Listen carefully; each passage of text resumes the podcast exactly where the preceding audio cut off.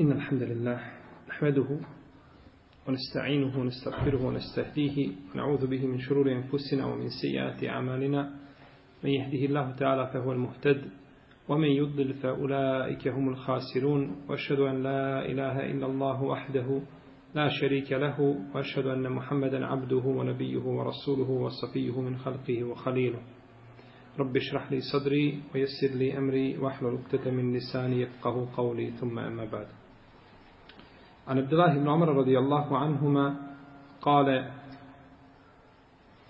بينما الناس بقباء في الصلاة الصبح إذ جاءهم آت فقال إن النبي صلى الله عليه وسلم قد أنزل عليه الليلة قرآن وقد أمر أن يستقبل القبلة فاستقبلوها وكانت وجوههم إلى الشام فاستداروا إلى الكعبة Abdullah ibn Omar radijallahu anhu prenosi pa kaže kada su ljudi bili u mesčidu Kuba na sabah namazu došao je jedan glasnik pa je rekao ove večeri je poslaniku sallallahu alaihi wasallam objavljen Kur'an i naređeno mu je da se okrene prema kibli festakbiluha okrenite se i vi. A u drugoj verziji festak beluha, pa su se okrenuli. Znači, poslanik Salasalemi koji je bio sa njim okrenuli se, pa kako su se oni okrenuli, okrenite se i vi. A gdje dolazi, znači, kestra na ba, to je naredbeni imperativni oblik, festak biluha, i vi se tako okrenite. Njihova lica su tada bila usmjerena prema Šamu, pa su se okrenuli prema Keabi. Kuba, to je poznato mjesto u Medini koje je daleko tri milje od Medine, kako kaže imame Neovi. I tu je sagrađen, znači, mesečid u Kuba, koji je prvi mesečid u Islamu, kako kaže imame Bejheti, kaže da je prvi kamen stavio tu poslanik sallallahu alejhi ve drugi Ebu Bekr, a treći Omer. La tekum fihi ebeden le mescidun usi se ale takva min evveli jeumin e hakko em tekume fihi. Kaže uzvišen je Allah te barak je otala i nemoj nikad dolaziti u tu džamiju da obavljaš namaz, to jeste džamija koja je napravljena da bi srušila džamiju vjernika. Mescid je na takvi izgrađen od prvoga dana, i preče je da u njemu, preče je da u njemu klanjaš. Neki kažu da je a, mesjid koji je usisana takva, koji je izgrađen na takvaluku, da je to mesjid poslanika, sallallahu alaihi sallam, da nije šta, mesjidu kuba. No međutim, kaže se ovdje, u ajetu se kaže, min evvali jeum, od prvog dana, od prvog dana. A mesjid kuba je napravljen prije mesečida poslanika, sallallahu alaihi wa sallam, je li tako? Jeste. Fi salati subh, na sabah namazu, i govorili smo u poglavlju namaskih vremena da sabah ima više svojih naziva i da su svi dozvoljeni, a kod imama muslima se kaže da su bili na ruku na sabah namazu. Pa im je došao jedan glasnik. U Lema se razilazi ko je bio taj glasnik. Neki kažu da je bio Abad ibn Nuhayk, neki kažu Abad ibn Bishr, treći Abad ibn Wahm. Pa je rekao, okrenite se prema kibli ili oni su se okrenuli, što znači okrenite se i vi kao što su se oni okrenuli. Promjena kible je bila druge hijđarske godine. Druge hijđarske godine, no međutim razilaze se oko mjeseca, pa kaže Muhammed ibn Habib el Hašimi da je to bilo u polovinom Šabana, utorkom, dok kažu drugi učenjaci da je to bilo u Ređepu prije bitke na Bedru na dva mjeseca. I da je to bilo na drugom rekiatu na pode namazu kako je došlo kod Buharije u mesčidu Beni Seleme pa se je poslanik sallallahu alaihi sallam okrenuo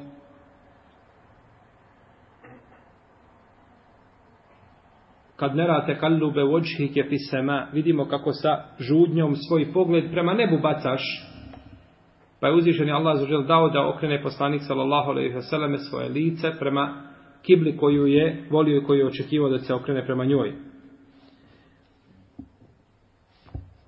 Spominje se u jednoj verziji da je to bio Saba, u drugoj verziji da je bio bilo podne, a u trećoj verziji kod Buharije se kaže da je to a, kako kaže Ibn Azib, evo le salatin sallaha Rasulullah sallallahu alejhi ve sellem ila al-Ka'bati salatul asr.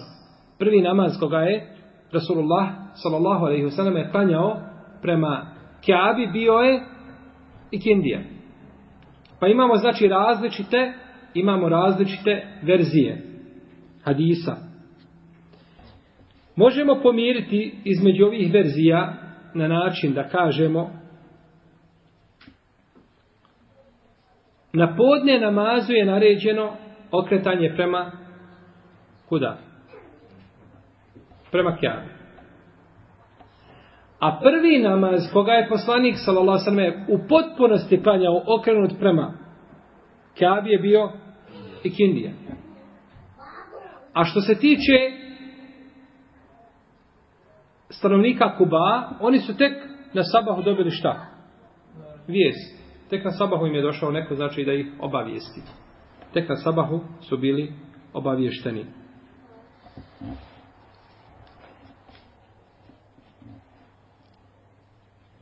Klanjao je poslanik sallallahu alejhi ve selleme 16 ili 17 mjeseci okrenut prema Bejtul Maktisu kako je došlo u dva sahiha od Elbera ibn Aziba. 17 kažu neki koji je računao mjesec okretanja, a oni koji nisu računali mjesec okretanja kažu da je 16. Došlo je u jednoj predaji da je 18, međutim neki su učenjaci prigovarali ovoj predaji. Kaže Ibn Hibban, tanjao je poslanik sallallahu alaihi sallam prema Bejtul Maktisu 17 mjeseci i 3 dana.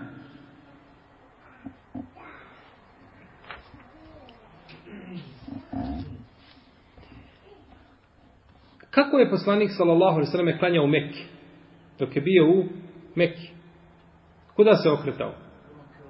Prema Kjabi. Okretao se poslanik sallallahu alaihi sallam prema Kjabi. No međutim, to je slabo mišljenje. Da se je poslanik sa osrame iz Mekke okretao prema Kjabi. Slabo s jedne strane, a jako s jedne strane.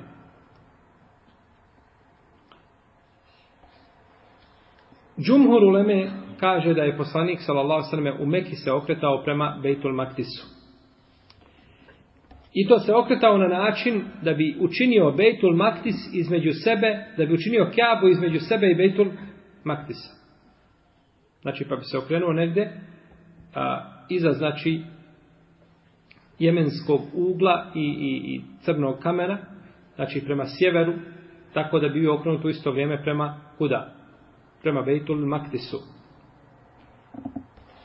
I to je došlo od Ibnu Abasa, kako kaže Ibnu Asakir, navodi se od Ibnu Abasa, vjerodostojnim lancima prenosilaca, da je poslanik sallallahu alejhi ve okretao se znači iz Mekke dok klanjao Mekki prije hidžre, okretao se prema Betul Maktisu, ali ne bi Kaabu učinio iza svoje leđa niti sa strane, već bi učinio između sebe i između i između Kudsa ili Betul Maktisa, jel?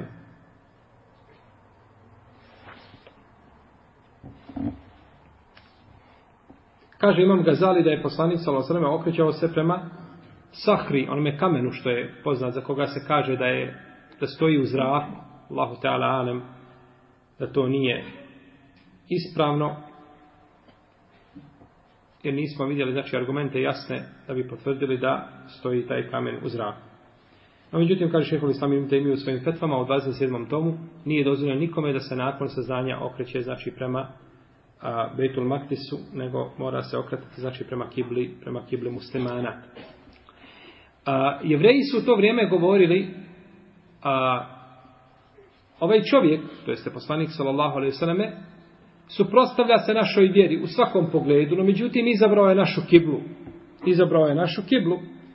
Hoće da nam se suprostavlja i da radi suprotno nama, a u stvari okriće se prema našoj kibli. Pa je uzvišen je Allah te barak je o tala objavio, kad nara te kallube u očike fi sema, fe lanuvallijenneke qiblaten tardaha, i mi vidimo kako ti sa žudnjom svoj pogled prema nebu bacaš i mi ćemo se sigurno usmjeriti prema kibli sa kojom, sa kojom si ti sa kojom si ti zadovoljan.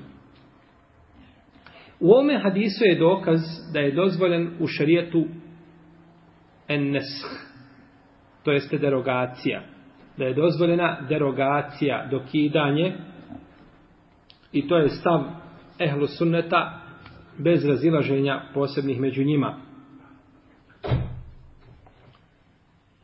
Prvi ko je klanjao prema Kjabi bio je Elbera ibn Marur, dok Ibn Hazm kaže da je to bio Ebu Sa'id ibn Mu'alla El Ansari, da je on prvi čuo poslanika, salosleme, kada je u pitanju namaz, znači, prema Kjabi, pa da je klanjao dva rekiata. Da li je dozvoljeno dokidanje Kur'ana sa sunnetom i sunneta sa Kur'anom? Izrazi ta većina učenjaka smatra da jeste Kur'ana, dokidanje sunneta sa Kur'anom nema posebne raziloženja, ali dokidanje sunneta, e, Kur'ana sa sunnetom, kažu da mora biti sunnet šta? Šta? šta mora biti sunnet? Vjerodostojan? Svakako. Šta još mora biti? Mutevater. Zato što je Kur'an sav šta? Mutevater. Pa kažu ne mogu pojedinačne predaje koje nisu mutevater dokidati ono što je mutevater. A šta je to mutevater? Molim?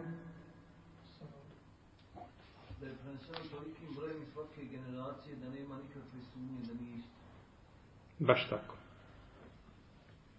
To je znači definicija mutavatira. To je predaja koju prenosi tolika skupina ljudi u svakoj generaciji da nije logično i nije shvatljivo i nije moguće na kraju krajeva da se dogovore na laži.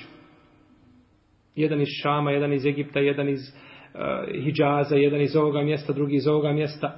Nisam možda nikada vidjeli, prenose istu stvar. Znači nisam mogu dogovoriti na čemu? Na laži. To je mutevatir predaja. Pa samo takva bi predaja kod jednog dijela učenjaka mogla dokinuti šta? Kur'an, zato što je Kur'an isto tako mutevatir.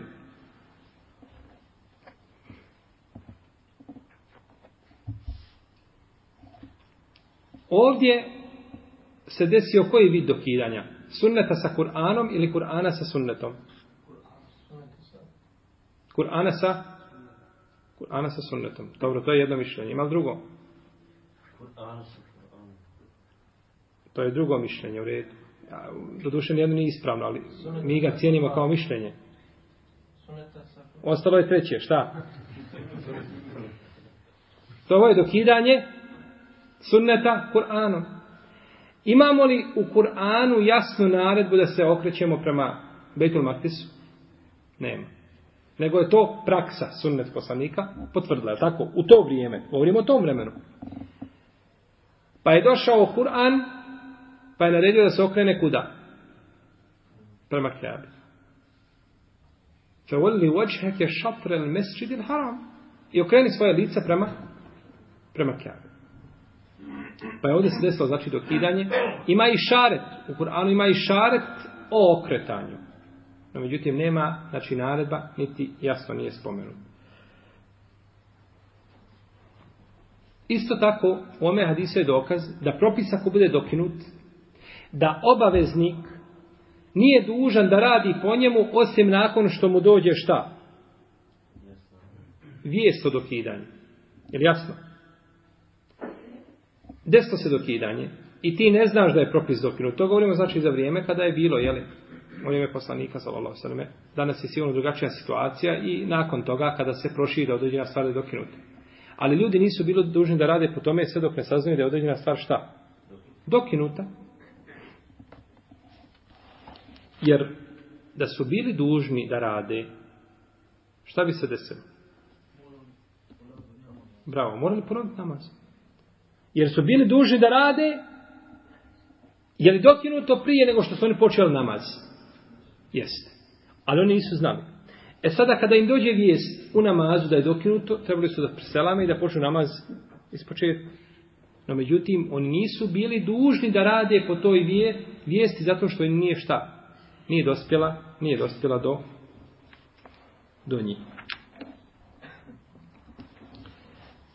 Stoga ulema ovdje kada spominju pitanja vezana za rad po vijesti koja nije došla do čovjeka, kažu kada bi robkinja klanjala otkrivene glave, potom saznala u namazu da je puštena da je oslobođena, da je pušta, nego da je oslobođena. Jer po, kod jednog dijela uleme robkinja može klanjati šta? Gologlava, ili tako? Bez mahrame. Pa ka, u, nama, u namazu sazna da je šta? Da je slobodna. Sad mora imati na glavi šta? Mahrom. Šta je sa onim što je klanjala? Ona je saznala da je u namazu da je šta? Da je oslobođena ali je oslobođena prije namaza, jel u redu? Na primjer, stala je u namazi, klanja na drugom rekiatu, uđe supruga od njenog vlasnika i kaže, kaže, tebe je vlasnik, dok je u namazu, kaže, tebe je vlasnik pustio prije 10 minuta. Znači, prije početka čega? Namaza. Šta je sa onim dijelom namaza koga je klanjala gologlava? A bila je slobodna, je tako? Samo što ona nije znala nastavit će dalje, znači klanjati i pokriće svoju glavu namazu. Znači taj dio, taj dio namaza ispravan zato što do nje nije došao šta? Nije došao haber do nje. Isto tako,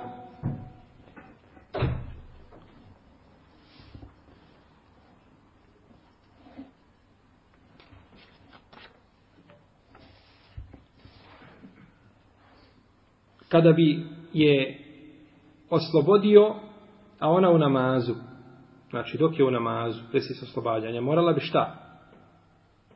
Pokriti glavu odma. Ako bi nastavila dalje klanjati, namaz bi je bio zato što je saznala vijest i nije radila po njoj. Pa znači čovjek, ovo je bitno, znači da se zna da je čovjek dužan da radi po određenim propisima nakon saznanja.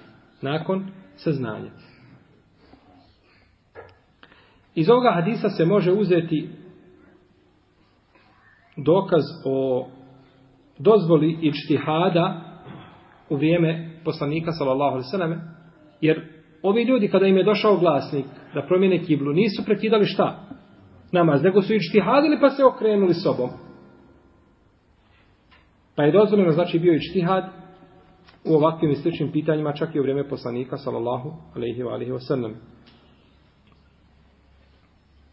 وما جعلنا القبلة التي كنت عليها I nismo učinili kiblu prema kojoj se okrećao, okretao. Koja je to kibla? Betul Maktis. Ovo je išaret u Kur'anu šta da ima? Okretanje prema Betul Maktisu.